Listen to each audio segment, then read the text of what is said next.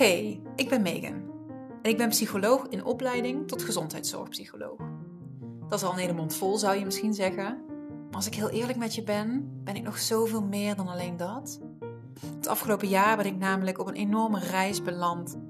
Vol persoonlijke groei, spiritualiteit, zelfliefde, de whole shebang. En dat is soms best ingewikkeld met al dat evidence-based gedoe in de GGZ. In deze podcast neem ik je daarom mee op mijn pad. Het pad terug van denken en doen naar voelen en weten. Van perfectionistische controlfreak zijn naar misschien toch wel die intuïtieve powervrouw. Want weet je, ik wil niet meer binnen de lijntjes kleuren. Ik wil dansen met mijn ziel. Hallo, hallo, welkom terug bij een nieuwe podcast. Het vervolg op mijn vorige podcast die luidt: Je hebt geen probleem. Nou, daar kon ik gelijk uh, mee uh, oefenen deze afgelopen dagen. Want, um, god, wat doe je dan als er wel een probleem bestaat? Ontstaat. In ieder geval een situatie die je, ja, toch wel in eerste respons, waarvan je in eerste respons zegt: ja, dit is wel gewoon een issue. Oké, laat me je de context even schetsen. Um, zoals je waarschijnlijk wel hebt meegekregen, zijn wij volop bezig met de aankoop van een nieuw huis. Um, het is best wel een killer verhuizing, als in 100 kilometer verderop. En dus dat betekent dat je alles opnieuw ook moet uitzoeken. Uh, van school, opvang. Nou ja, dat je na moet denken over werk. Dus het, het is verhuizen is natuurlijk al stressvol event nummer 1, zeg maar. Uh, maar deze verhuizing is al aan zich een beetje, ja, next level. Laat ik het zo even zeggen. Uh, natuurlijk ook heel leuk en heel spannend. Nou, whatever. Maar nu hadden wij gisteren een afspraak bij onze garage. Voor de jaarlijkse onderhoudsbeurt doen we altijd netjes. Sparen we altijd voor. Dus dat is nooit echt een issue. En dan bellen ze altijd netjes op hè, van eh, wat ze allemaal gevonden hebben en wat ze willen gaan doen en wat het grofweg gaat kosten. Ja. En dan zeg je altijd, ja, doe maar als het nodig is. Tenminste, wij wel. Want ja, je gaat niet je auto voor onderhoud wegbrengen om vervolgens te zeggen, nou, laat het maar lekker zoals het is. Maar dit keer hadden we dus wel echt vette pech. Want blijkbaar uh, is onze motor niet altijd best meer. Want de garage dude zei: Ja, je moet wel echt wat beter op het oliepeil letten, want die stond echt gevaarlijk laag. En nou, echt, I shit you not. Ik heb letterlijk vorige maand uh, mijn olielampje zo aan het knipperen gehad. Dus ik heb er toen, ik geloof, twee flessen olie in geflikkerd. En we dachten, ja, weet je, ik rij nu ook meer, omdat ik natuurlijk ook naar Weert moet, naar de praktijk. Dus dat zal het wel zijn. Dan red je het misschien net niet van de onderhoudsbeurt tot onderhoudsbeurt. Maar we zijn dus nu een maand verder en hij was dus alweer uh, gevaarlijk laag. Ja, dat hoort natuurlijk eigenlijk niet te kunnen. Nou, dat schijnt bij onze auto een bekend uh, motorprobleem te zijn bij de wat oudere auto's. En hij zegt, ja, weet je, we, dan gaan we hem nu gewoon oplappen zodat je ermee de weg op kan. Maar hou er rekening mee dat als dit proces dus nog verder doorgaat, je motor gaat er gewoon aan. En dat kost je 4 à 5.000 euro. En dan kun je dus waarschijnlijk, concludeerde maar gewoon ik al, beter naar een andere auto gaan kijken. Ja, je kunt je voorstellen dat als je midden in verhuisplannen zit. En dat we daar natuurlijk voor hebben gespaard. En, en we willen ook in het nieuwe huis. Ja, er moeten een aantal nieuwe meubels komen. Maar we willen ook een aantal dingen graag vervangen. Zoals onze aftansen IKEA-bank die al uh, tien jaar oud is. Uh, en die eigenlijk vier jaar geleden al niet meer kon. Maar waarvan we dachten, ja, laten we even wachten totdat de kinderen groot zijn. In ieder geval niet meer spugen en knoeien en uh, weet ik veel wat. Ja, dus het geld wat wij hebben gespaard, was niet bedoeld voor zeg maar een nieuwe auto. Dus het was wel even zo van kak, weet je wel. En dit is typisch wel zo'n situatie Waarvan ik dus tot een aantal weken geleden vond dat dat een vet probleem was. Want hoe ga je dat doen? En dit en dat. En het geld. En nou ja, ook vooral hè, in, in, in de spirit van de kracht van het nu. Wat ook heel veel verzet had opgeleverd. In de zin van: ik wil dat niet en waarom moet dat nu? En dat komt zo slecht uit. En is dat dan een straf van het universum? Is dat een teken dat we niet goed bezig zijn? Ja, ja, ja. Dus dan heb je, nou ja, je hebt de situatie die je moet oplossen, aka het probleem. Maar je hebt dus ook nog allemaal van dat soort eh, negatieve gedachten. En de reactie kwam wel een beetje op. Maar eigenlijk was die ook heel mild. Omdat ik natuurlijk zo midden in dat boek zit, had ik ook wel echt vrij vlug in het proces al het besef van: oké, uh, hier heb je hem dus. Dit is een situatie die je als probleem kan labelen. Of je kan hem zien als een situatie die gewoon simpelweg gebeurt. En waar we dus een van die drie keuzes op kunnen toepassen. Uh, keuze 1. De situatie oplossen. Uh, keuze 2. Weglopen. Uit de situatie gaan. Of keuze 3. Accepteren dat het is wat het is.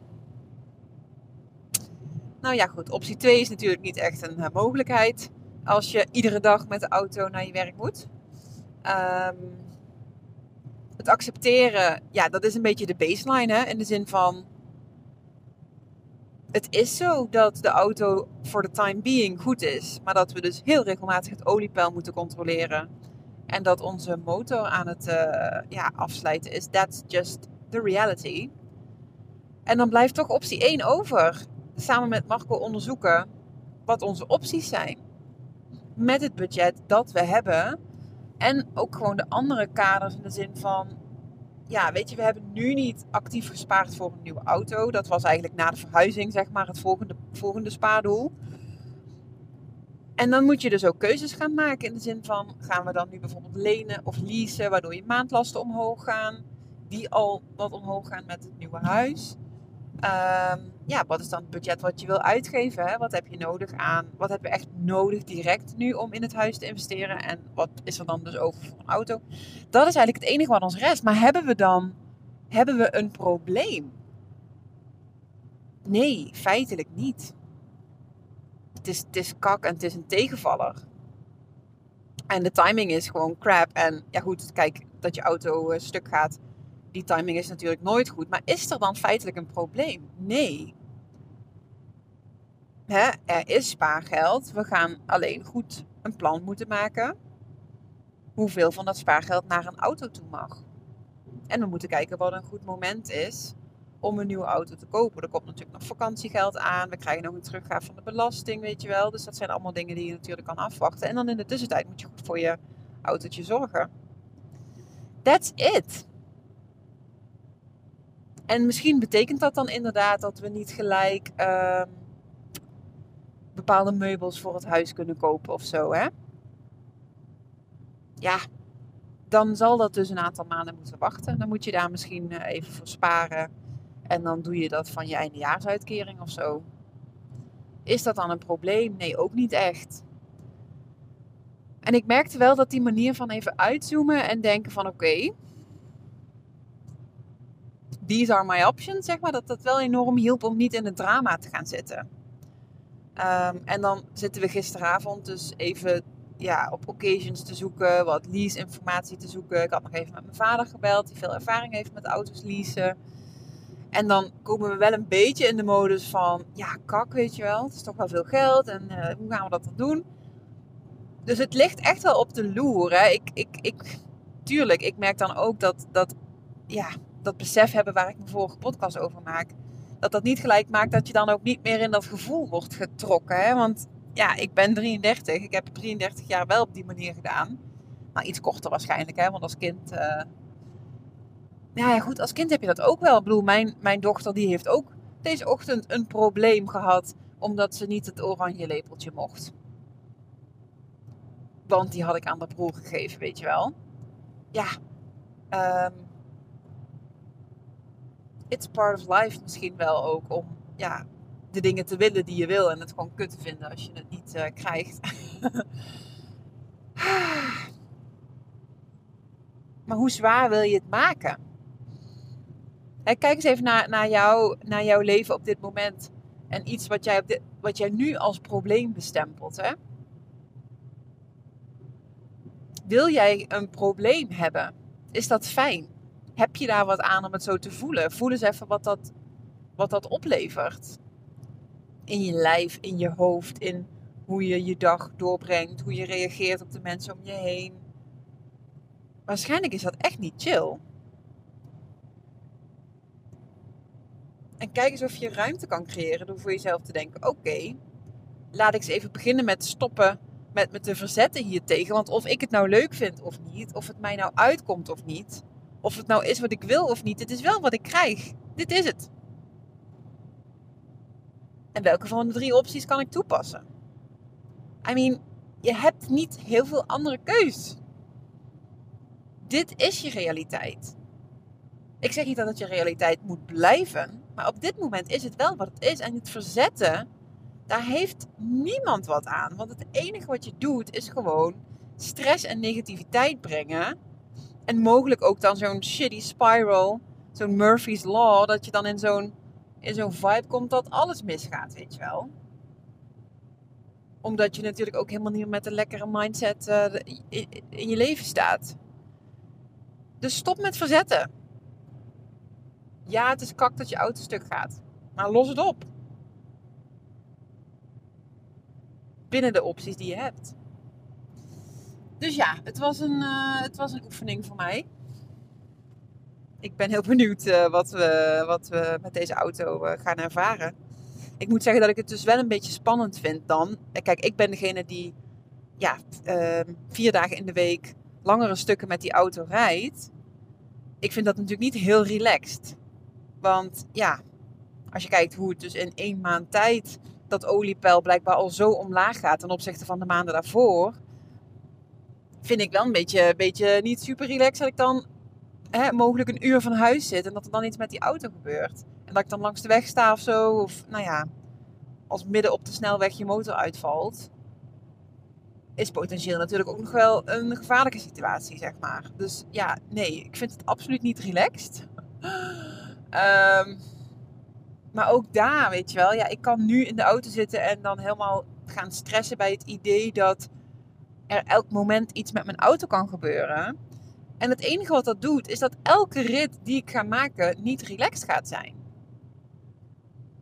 Heb ik daar wat aan? Want misschien duurt het wel een half jaar, misschien gebeurt het wel niet, misschien gebeurt het over vijf minuten. Het enige wat het doet, is dat ik dan die stress al naar het hier en nu haal. Terwijl er feitelijk met het hier en nu, hè, wat ik de vorige keer ook zei, dit moment, met dit feitelijke moment is niks mis. Ik zit hier in de auto met een volle tank een podcast op te nemen. En op dit moment is er niks aan de hand. Maar op het moment dat ik nu ga denken: oh mijn god, wanneer gaat dat gebeuren met die auto? Mogelijk is dat gevaarlijk. Ja, dan zit ik hier nu, dan voel ik een beetje zo'n buikpijngevoeletje opkomen. En dan word ik super alert en dan ga ik soort van proberen rechts te rijden in de buurt van de vluchtstrook. Ja, heb ik daar dan wat aan? Nee, daar heb ik geen zak aan. Maakt het dat ik beter voorbereid ben als het gebeurt? Nee, ook niet. Want ik weet gewoon, kijk, als dat lampje aangaat, moet ik gewoon naar de kant van de weg. Klaar.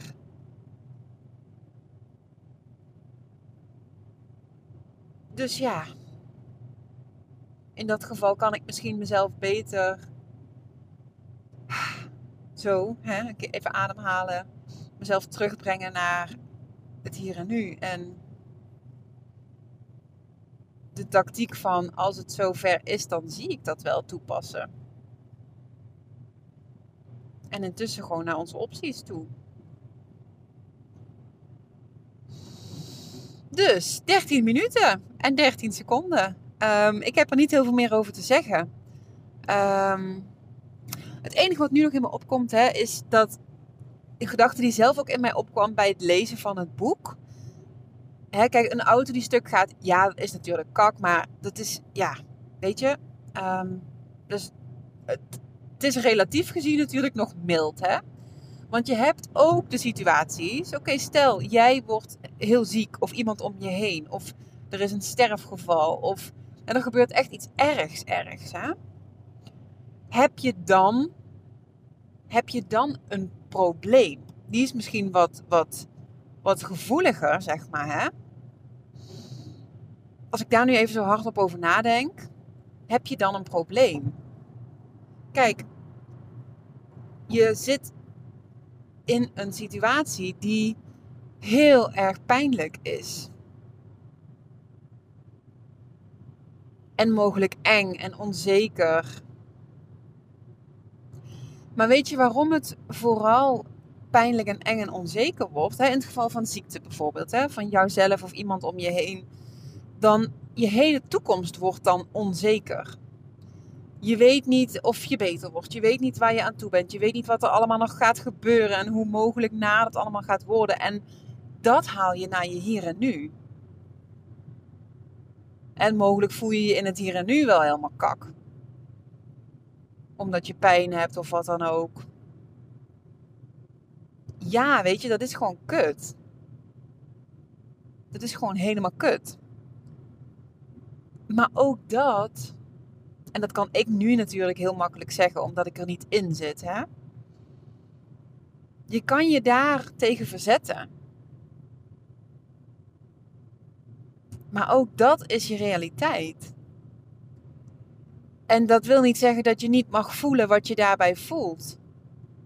Dat het niet oké is om, om verdrietig, boos of bang te zijn. En ik denk dat het heel menselijk is en dat je daar ook vooral contact mee mag maken en moet maken. En dat je die shit moet voelen gewoon. Maar dat, dat je verder niet heel veel rest dan ja, kijken hè, in hoeverre dat je iets met deze situatie nog kan. Wat je kan doen voor jezelf om, ja, welke invloed je hebt om die te pakken. En je kan er niet uit. Je kan niet zeggen, nou doe mij deze maar even niet. Even delete. Dat, dat gaat niet. Dus in de basis zul je, en dat acceptatieproces is natuurlijk in dat soort gevallen veel moeilijker, maar toch is dat dan wel wat je, wat je te doen staat. Hè? Het doorvoelen, voelen wat je voelt, zonder je te verzetten tegen die realiteit. Want ik denk, ik denk zelf dat, dat dat verzet, en natuurlijk mag dat best even een fase zijn, hè? Maar dat blijven verzetten tegen de realiteit, maar ook het blijven shiften naar, oh, wat betekent dit al allemaal voor de toekomst, helpt niemand. Jou niet, mensen om je heen niet. Het nu is in feite alles wat je hebt. Dus zelfs dan is er natuurlijk een super nare, shitty ass levenssituatie aan de hand. Maar heb je dan per definitie een probleem? Het is ook, en ik merk dat ik wat voorzichtig word om dat te zeggen, maar je, je, als ik het dan kijk naar mensen die, die heftige of, of die nare dingen meemaken, de kern van hoeveel last je daarvan hebt, is toch echt wel gelinkt aan de betekenis die je eraan geeft. Hè? En dat zie je ook bijvoorbeeld bij, bij die programma's zoals, oh, hoe heet nou dat programma? Ik kom er even niet op. Ehm, je zal het maar hebben. Is dat het? Ik weet het niet zeker. Het programma dat mensen dus ongeneeslijk ziek zijn en dan gevolgd worden, zeg maar. Hè? dat is natuurlijk een, een voorbeeld van mensen die in, in echt een fucked up situatie zitten. En die daar op een hele inspirerende manier mee omgaan. En ja, zij hebben het ook moeilijk bij momenten. En natuurlijk zijn er momenten dat ze denken: Godverdomme, ik wil dit niet. maar zij proberen dat zoveel mogelijk te shiften naar: Oké, ik ben nu hier. Hoe kan ik in het hier en nu nog het meeste halen uit het leventje dat ik heb? En, en dat ik nu nog met de mensen samen ben en dat ik het vermogen heb om mensen te inspireren of nog iets goeds te doen voor de, de wereld. Je kan er zo in staan. Ik ken ook de mensen die al bij voorbaat in de doodsangst zitten en die in de totale stress leven. Weet je, de uitkomst is mogelijk hetzelfde. We weten vanuit onderzoek dat, dat een staat van stress dat die je gezondheid niet bevordert. Dus mogelijk versnelt het je proces zelfs ook nog. Who knows? Maar ja, welke betekenis ga je eraan geven? En dat is in zulke situaties, ik besef dat dat in zulke situaties ontzettend moeilijk is. En dat verzet je natuurlijke respons zal zijn. Want wij, hè, wij mensen hebben ook de drang om te overleven. We willen geen pijn, we willen niet dood. Natuurlijk niet. Dus it's only human dat je dat voelt. En zelfs ook dan durf ik toch wel te zeggen: welke betekenis ga je eraan geven? Hoe ga je dat je hier en nu laten kleuren? Dus ja. Dat is eigenlijk wat ik er nog even aan toe wilde voegen. En dan zit ik toch weer op mijn oude vertrouwde 19 minuten. Voelt fijner om hem daarmee af te ronden. nee, ja, geintje. Dat, uh, dat was nog even een gedachtegang die ik er nog even aan wilde toevoegen. Alright. Dankjewel voor het luisteren en um, tot de volgende keer. Doei doei.